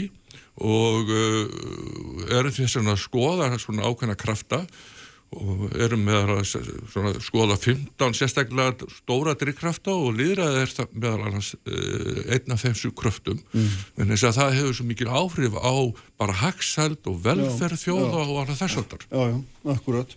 Þú ert hérna, Róbert, að það ekki að skoða þetta eitthvað aðeins frá tækniliðin líka. Það er enni þátturinn sem er gerfugreindir svo kallaða, hvaða áhrif hún getur haft á... Akkurat, ég er nú búin að lengi í teknimálum hérna í Íslandi, var einn af stofnendum á fyrsta internetfyrirtæki á Íslandi, miðheimum centrum.is og síðustu 15 ár, síðan 2008, hef ég unnið í eh, við stopnum e, íbúa SES, sem sagt þessi sjálfsvæmastofnun í kjölfar bankarhundsins Já. með þá hugmynd að nýta tækni til þess að bæta ákvörðunatöku hjá stjórnvöldum og svona í framhald af því að þá höfum verið eh, unni verkefni sem er Reykjavíkuborg, hverju mitt og betur Reykjavík og vinnum með 15 sveitafjölugum í Íslandi og okkar svona lausnir eru notar í 45 löndum í dag. Og, og, og tæknin alltaf hefur haft rosalega mikil áhrif á líðræðið, hvernig það hefur breyst bara síðastu, síðastu áratugina í rauninni með internetunum alltaf og, og, alltaf snjálfsímanum en gerfigreind líka eh, og við höfum verið að nýta gerfigreind til dæmis síðan 2014 að þá hérna í Reykjavík að þá voru konum mjög mikið af fólki að vinna hérna sem talaði engu íslensku út á túristabransunum og svona, var á með, með, með Já. og þá var humdin ef að setja upp enska síðu að betra Reykjavík, pólska síðu en við erum búin að íta því, ítum því af stað að nota gerfugrind og, og núna síðustu uh, ár, er náttúrulega tvö ár með chat GPT og svona Þannig að þeir sem að tala ekki íslensku fara bara inn og þá. Þýðir gerfugreindin raun og vera efnið bara beint yfir. Já, akkurat, Já. akkurat, þannig að eh, sko gerfugrind e, þegar kemur líðræði hefur haft eh, svona að það eru margir jákvæðir möguleikar Mm. en það er náttúrulega eins og við séum með, sjálf, með sko gerfugrind á samfélagsmiðlum hefur greinilega haft neikvað áhrif á líðræði og einhverja fórsendum það sem bæði óbrútnir aðlar eru að kaupa auglýsingar af gerfugrindinni til þess að koma sínum málstæða en líka bara í gegnum árin hefur gerfugrindi verið að íta fólki í það að vera í rifrildum Já, já, já. Auðvitað og, og, hérna, og, og, og ítt undir rifrildi að menn hafa nýtt hana til þess og eitthvað sem náttúrulega núna er í hvort það er nýtt, maður er hérna kannski of mikil risaðlega en ég minna það, það að það sé hægt að hreinlega búa til fólk og láta það segja alla mögulega hluti og hérna og það er svo raunverulegt að það er ekki nokkuð leið að átt að segja að því. Við erum þess að Photoshop komið alla leið Já, núna í dag, sko, eftir já, 20 ára, 30 ára þróa Já, þetta var þannig að því vorum að tala um Rúsland í morgun að þarna þegar að menn felli ónaði Rúsland á sínum tíma þá voru þau þurrkaður út af ljósmyndum í blöðum. Þetta er aðeins lengra komið sko. En sama koncept. Já, já, já, aldeilis. Það, það var nú í forkostningum í bandaríkunum, var það ekki í New Hampshire að hérna, það var einmitt verið að ratt stíla á Joe Biden um, hérna forkostingarna er þar sko? Já. þannig að þetta er daldið daldið ískeikileg þróun Já, sko, og já. bara öll þessi miðlun hún er, hún er auðvitað þess virði að, að huga betur að sko. en þessi ráðstöfna, hún er, hún er haldin ekki rétt skilja mér svona vegna þess að þið sem eruð að hugsa um þetta þið telja að það sé einhvers konar við séum á einhverju, einhverju villgötum, það sé, við séum að afvega leiðast á þessari líðræðslega, minnst þú höfum við nú talið að líðræði væri besta stjórn fyrir komlega til þessa og höfum ekki fundið hana betra Nei, ég held að sko líðræði sjálf sér sé svona þetta fyrirkomla sem hefur nú sínt sig að gefi bestu raunna Mm. en, en við sjáum hins vegar þróun yfir í einræði daldið mikið í Afríku, Suður Ameríku og, og, og líka varandi umræðinu um, um, um, uh, í, í Evrópu bara sko varandi þátt uh, jáðarhópa, dómskerfið uh, dreifing á auði og annað þessóttar þetta eru allt áhrif á, á, á þessa þróun og við, eh, sko, eitt af því sem er okkur alltaf ofalega framtíðafræðinga mm. er að, að, að, að skoða langtíma þróun fyrir ekkar en bara sko, næsta árið eða næstu þrjú árin mm -hmm. og við, við höfum svona aðeins áhugir af því að, hvernig líðræði getur erum alveg að höndla þessar langtíma þróun sem við sjáum og er að gerast og, og, og hraðin á, á þessar langtíma þróun er svo mikill að hún kemur alltaf okkur óvart mm -hmm. þegar hún byrtist okkur mm -hmm. og þar með talaði eins og, eins og, eins og uh, gerður greindina en, en þess að bara þátt uh, líður að þessi hvernig þú tekur á sko, langtíma þróun í umhverfismálum, langtíma þróun í grænum umskiptum, langtíma þróun í svo breyttu landstæði varandi viðhorf eh, til eh, óleikra eh, þáttar í mm. samfélaginu. Mm -hmm. Samfélagið er að breytast óherilega rætt, er, er að þessi stopnarnir megnuðar að takast á við þessa breytingar. Við höfum alltaf ávikið þessu og viljum taka umræðinu þar Uh, við höfum líka velta fyrir okkur svona þáttur sem er kannski ekki mikið umræðin í dag en verða samt sem að óherulega mikil, mikil umræða svona á næstu áratugum. Mm. Við sjáum bara fram á það og við þurfum eiginlega að taka þessu umræði í dag frekar en frekar en síðar. Í hvað er þetta að vísa þannig? Já, við tegum bara eins og til dæmis þróunlega í takkinabálum eins og til dæmis erðavísitum. Já e, e, á sviði læknisfræða, á sviði matvælaframlýslu, siðferðislega hugmyndir fólks um, um, um hérna um, um um, um breyting á, á, á,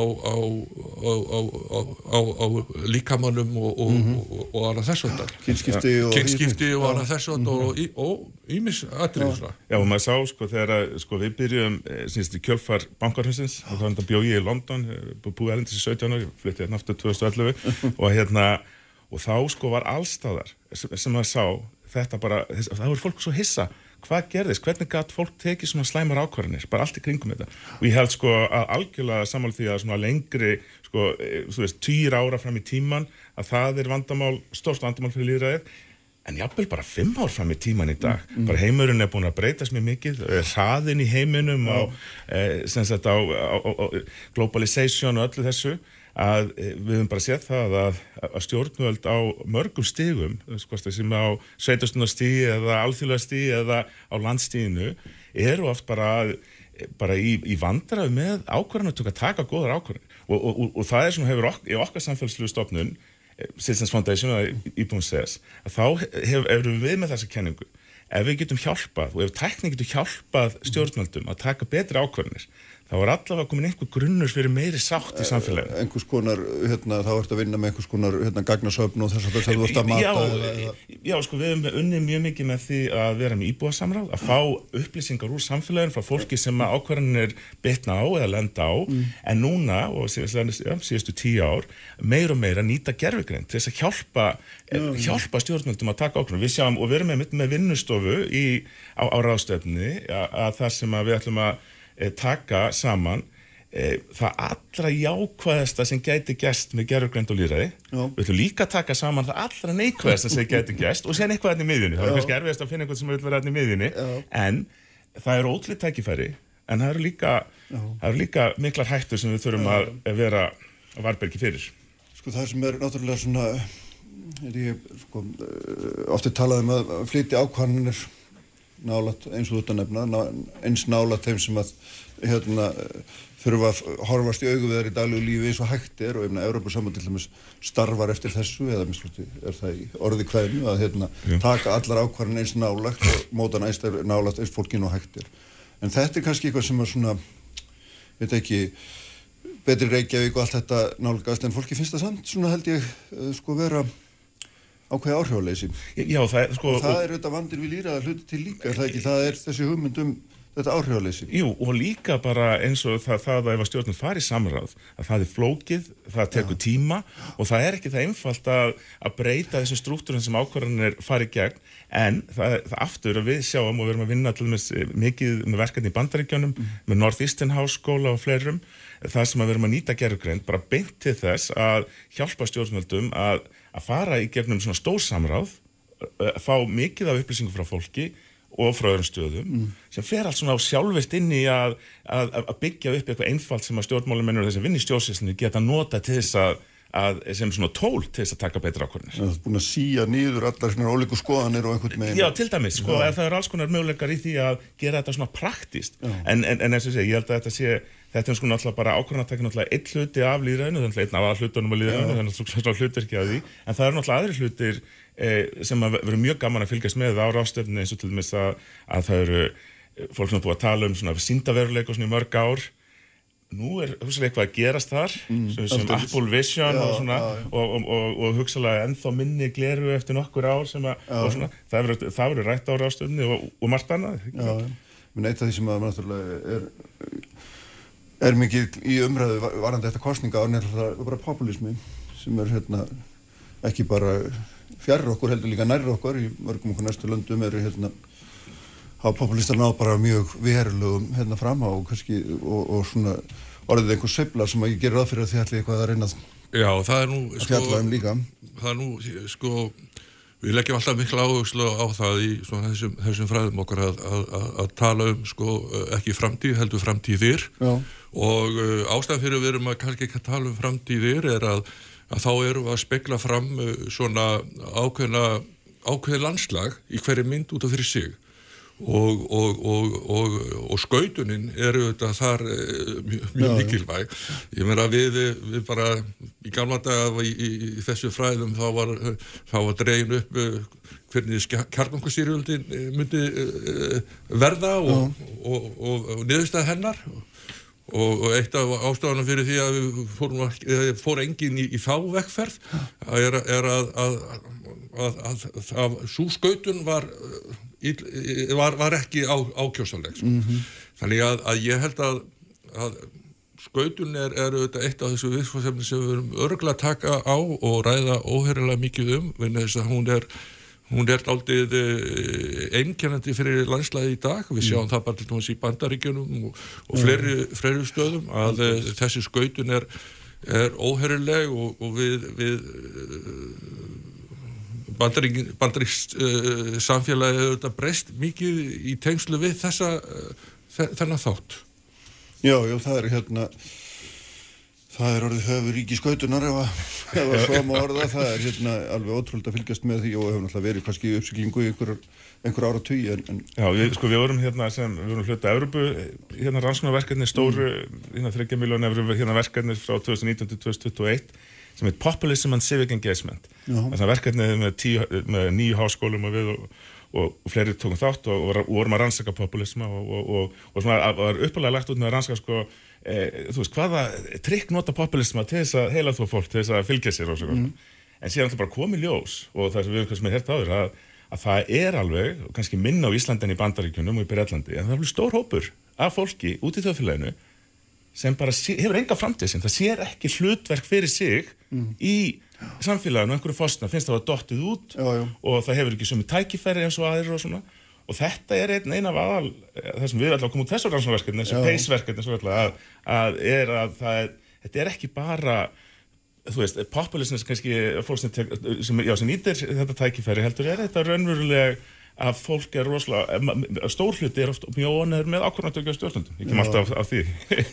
Já, en það er auðvitað alveg auglust að þetta er, hérna, þetta var þeirra höfuð ástæðum þess að Trump var kosin sínum tíma, það var þessi hópur sem þú varst að nefna, fólk sem að fannst bara að vera, það var búið að hérna, gleyma því. Já. það var afskipt og menn bara hérna Og það náttúrulega gengur ekki bara í nútíma samfélagi að sé bara einhverju 10% sem bara allir jáhverju, þeir, þeir passa ekki alveg, þeir er ekki alveg nú tæknivætti eða eitthvað náðu kúla, þá höldum við bara áfram hinn, það er allir að fá að vera með. Þetta verður þetta líka svona eh, ákveðin líðræslega þreita í, í, í, í ákveðin hópum mm. uh, samfélagsins. Þau sjá þessa skautun og hún er hérna fóðruð af, af hagsmuna aðlum og, og, og, og það er svona ákveðin valdleysi sem gera það verkum að, að, að atkvæðin skila sér ekki inn í, mm. í kjörkassanar. Já, jú, já, jú. Síðan náttúrulega endur þetta því að stjórnvöld semja við einhvern eða flokkarnir sem að kýsa semja við einhvern allt annan og, og gera eitthvað allt annað en þeir sagðist alltaf að gera.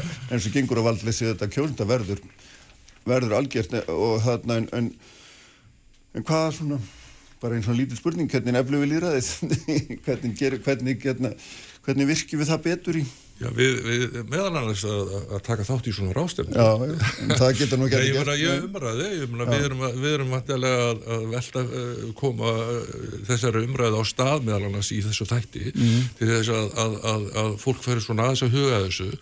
Vi, við, við verðum hins vegar líka að sko, sko liðræðir auðvitað svona hefur alltaf já, á sér þann blæ að vera alltaf íhalsamt en við verðum hins vegar aðeins að opna okkur og, og þeir sem er að fara með liðræðslegt vald þeir verða að, að aðeins að, að, að hrista af sér íhalsemina mm -hmm. þetta er gott að hafa einhver íhalsemi en hún má ekki vera þess valdandi að það skapi einhverja sko núning í samfélaginu og rattir fólksins fá ekki að njóta sín Þannig að hugmyndinafræðin eru þetta svo að, að, að fá sem flesta á borðinu til þess að segja sína skoðanir, uh, fá hérna fólk til þess að taka þátt í, í, í, í kostningum og, uh, og, og, og njóta síns til réttindi, mm. hvort sem það er á sveitastjórnastíginu eða, eða á þjóðþingum. Mm -hmm. Þannig að það, það er grundartaratrið. Ég svo samála þessu og ég held að það sé sko stjórnvöld hafa verið kannski aðeins eftir á í teknibildingunni en það er að hefur verið að lagast um sannsýrna í Íslandi Já.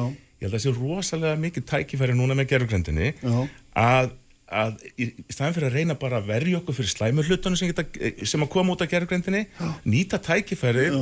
og að nýta hana í ákveðan tilgangi og stjórnvöld nýta hana til þess að bæði samráð og hjálpa sér við ákvörðun að tóka svona mm. og ég held að það getur virkilega hjálpa liðræðinu Já, en vandarlega svo, hérna, að fá sekundur, ég meina, það sem við tala um á hérna, populism and civic engagement sem því það bara þáttaka almennings í ofnböru lífi er það ekki? Og, og hérna, er þetta anstæður? Nei, alls ekki, ég held að þetta bara alveg, ég, ég held að, eh, að ef fólk tekur meira þátt og, og, og stjórnvöldur er meira á opinn og mm. virkilega hlusta fólk, ég held að það mingi eh, reyði fólks og þess vegna populisma í sinu neikvæðaformi, en það er ekki alltaf neikvæðast. Nei, nei, ljóbandi. Herðu, gangi ykkur vel með þetta og hérna Það er gaman að sjá hvernig þið leiði framtíðinu til líkt að... Kjæra þakkir. Já, Kjæra takk fyrir að koma. Takk, takk. Og hérna, við verðum að láta sprengisendinum lokið í dag. Við erum búin að ræða svo sem líðræði frá ymsum hlýðum. Læðum líðræði í Rúslandi og læðum líðræði hér um, út frá, frá fjölmiðlun. Og svo rættum við þetta líka hér um líðræði framtíðarinnar og svo auðvitað með einhvern mál við Kristofnur Frostadóttur sem að tengja nú sjálfur sér líraðinu líka. En Ívar Daví Haldursson stýriði útsendingu eins og hann gerir alltaf og við verðum svo með einhvern hér félagarnir aftur eftir viku, verið sæl